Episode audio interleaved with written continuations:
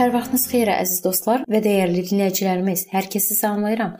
Mənim adım Sona və sizi Allahla 5 dəqiqəlik podkastımızda xoş gördüm. Bu gün biz övladların valideynlərinə münasibəti haqqında danışmağa davam edirik.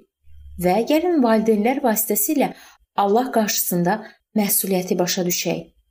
Yeniyetməli uşaqların öz əməllərinə görə təkcə valideynləri qarşısında deyil, həmçinin Allah qarşısında məsuliyyət daşımağa başladıqları dövrdür.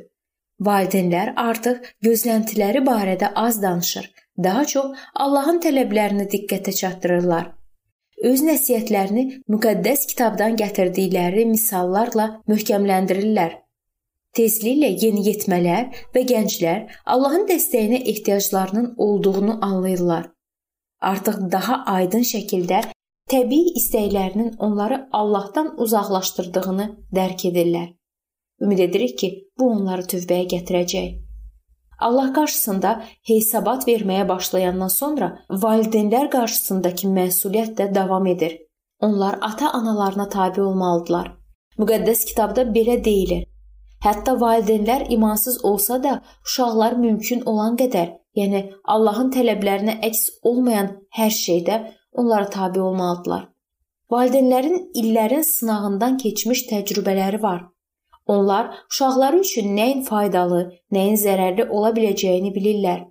Onlar bütün varlıqları ilə balalarına yaxşılıq arzu edirlər. Buna görə də valideynlərlə yaxşı münasibəti olanları böyük mükafatlar gözləyir. İtaətkar uşaq etibarla mükafatlandırılır. Bir dəfə bir qız seçim qarşısında qalmışdı.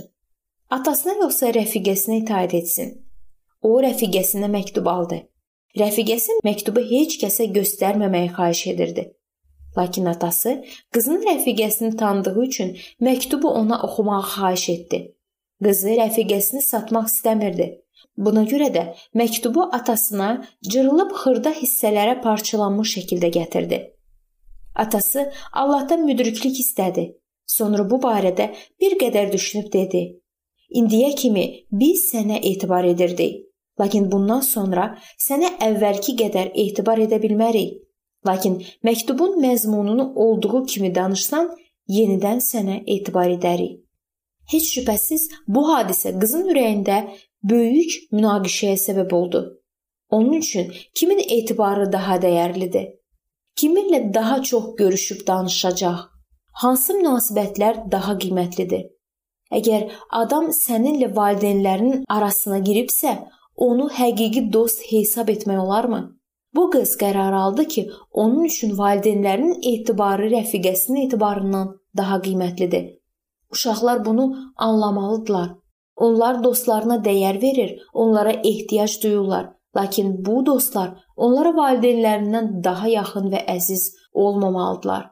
Uşaq valideynlərinin onu sevdiyini hardan bilir? Ona göstərilən qayğıdan bu nə deməkdir? Əgər valideynlər uşağa istədiyini etməyə icazə verirlərsə, bu onların övladlarını sevdiyindən xəbər verirmi? Heç də yox. Çünki həyatda bu uşaq müxtəlif insanlarla rastlaşacaq. Hər bir adamın öz ideyaları, hissləri və istəkləri var. Bəzən kiməsə görə öz istək və arzularınızdan əl çəkməli olacaqsınız. Əgər uşaq daim istədiyinə nail olsa, ona başqaları ilə münasibət qurmaq çətin olar. Uşaq bilir ki, ona istədiyini etməyə icazə verməsələr də sevməkdə davam edirlər. Lazımı cəza uşağa özünü təhlükəsizlikdə hiss etməyə kömək edir. Bu, uşağa əslində valideynlərinin ona görə narahat olduqlarını göstərir. Uşağı itayətə gətirmək üçün onu cəzalandırmaq zəruridir. Buna görə də cəza kifayət qədər ciddi olmalıdır. Lazımi nəticələr əldə etmək üçün valideynlər tez-tez səy göstərməli olurlar. Uşaq könüllü olaraq valideynlərinə tabe olmağı öyrənməyənə qədər ata-anası ilə yaxşı münasibətlərdən danışmağa dəyməz.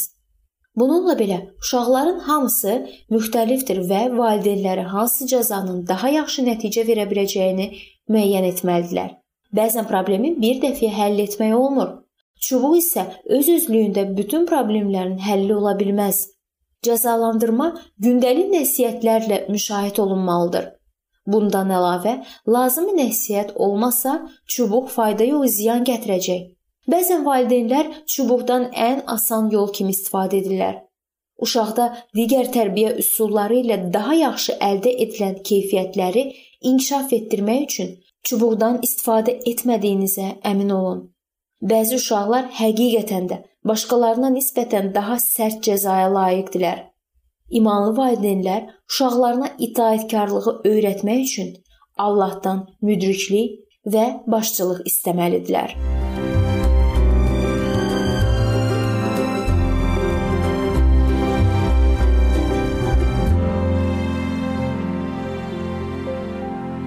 Beləliklə əziz dostlar, bu yerdə bu mövzum sona çatdı.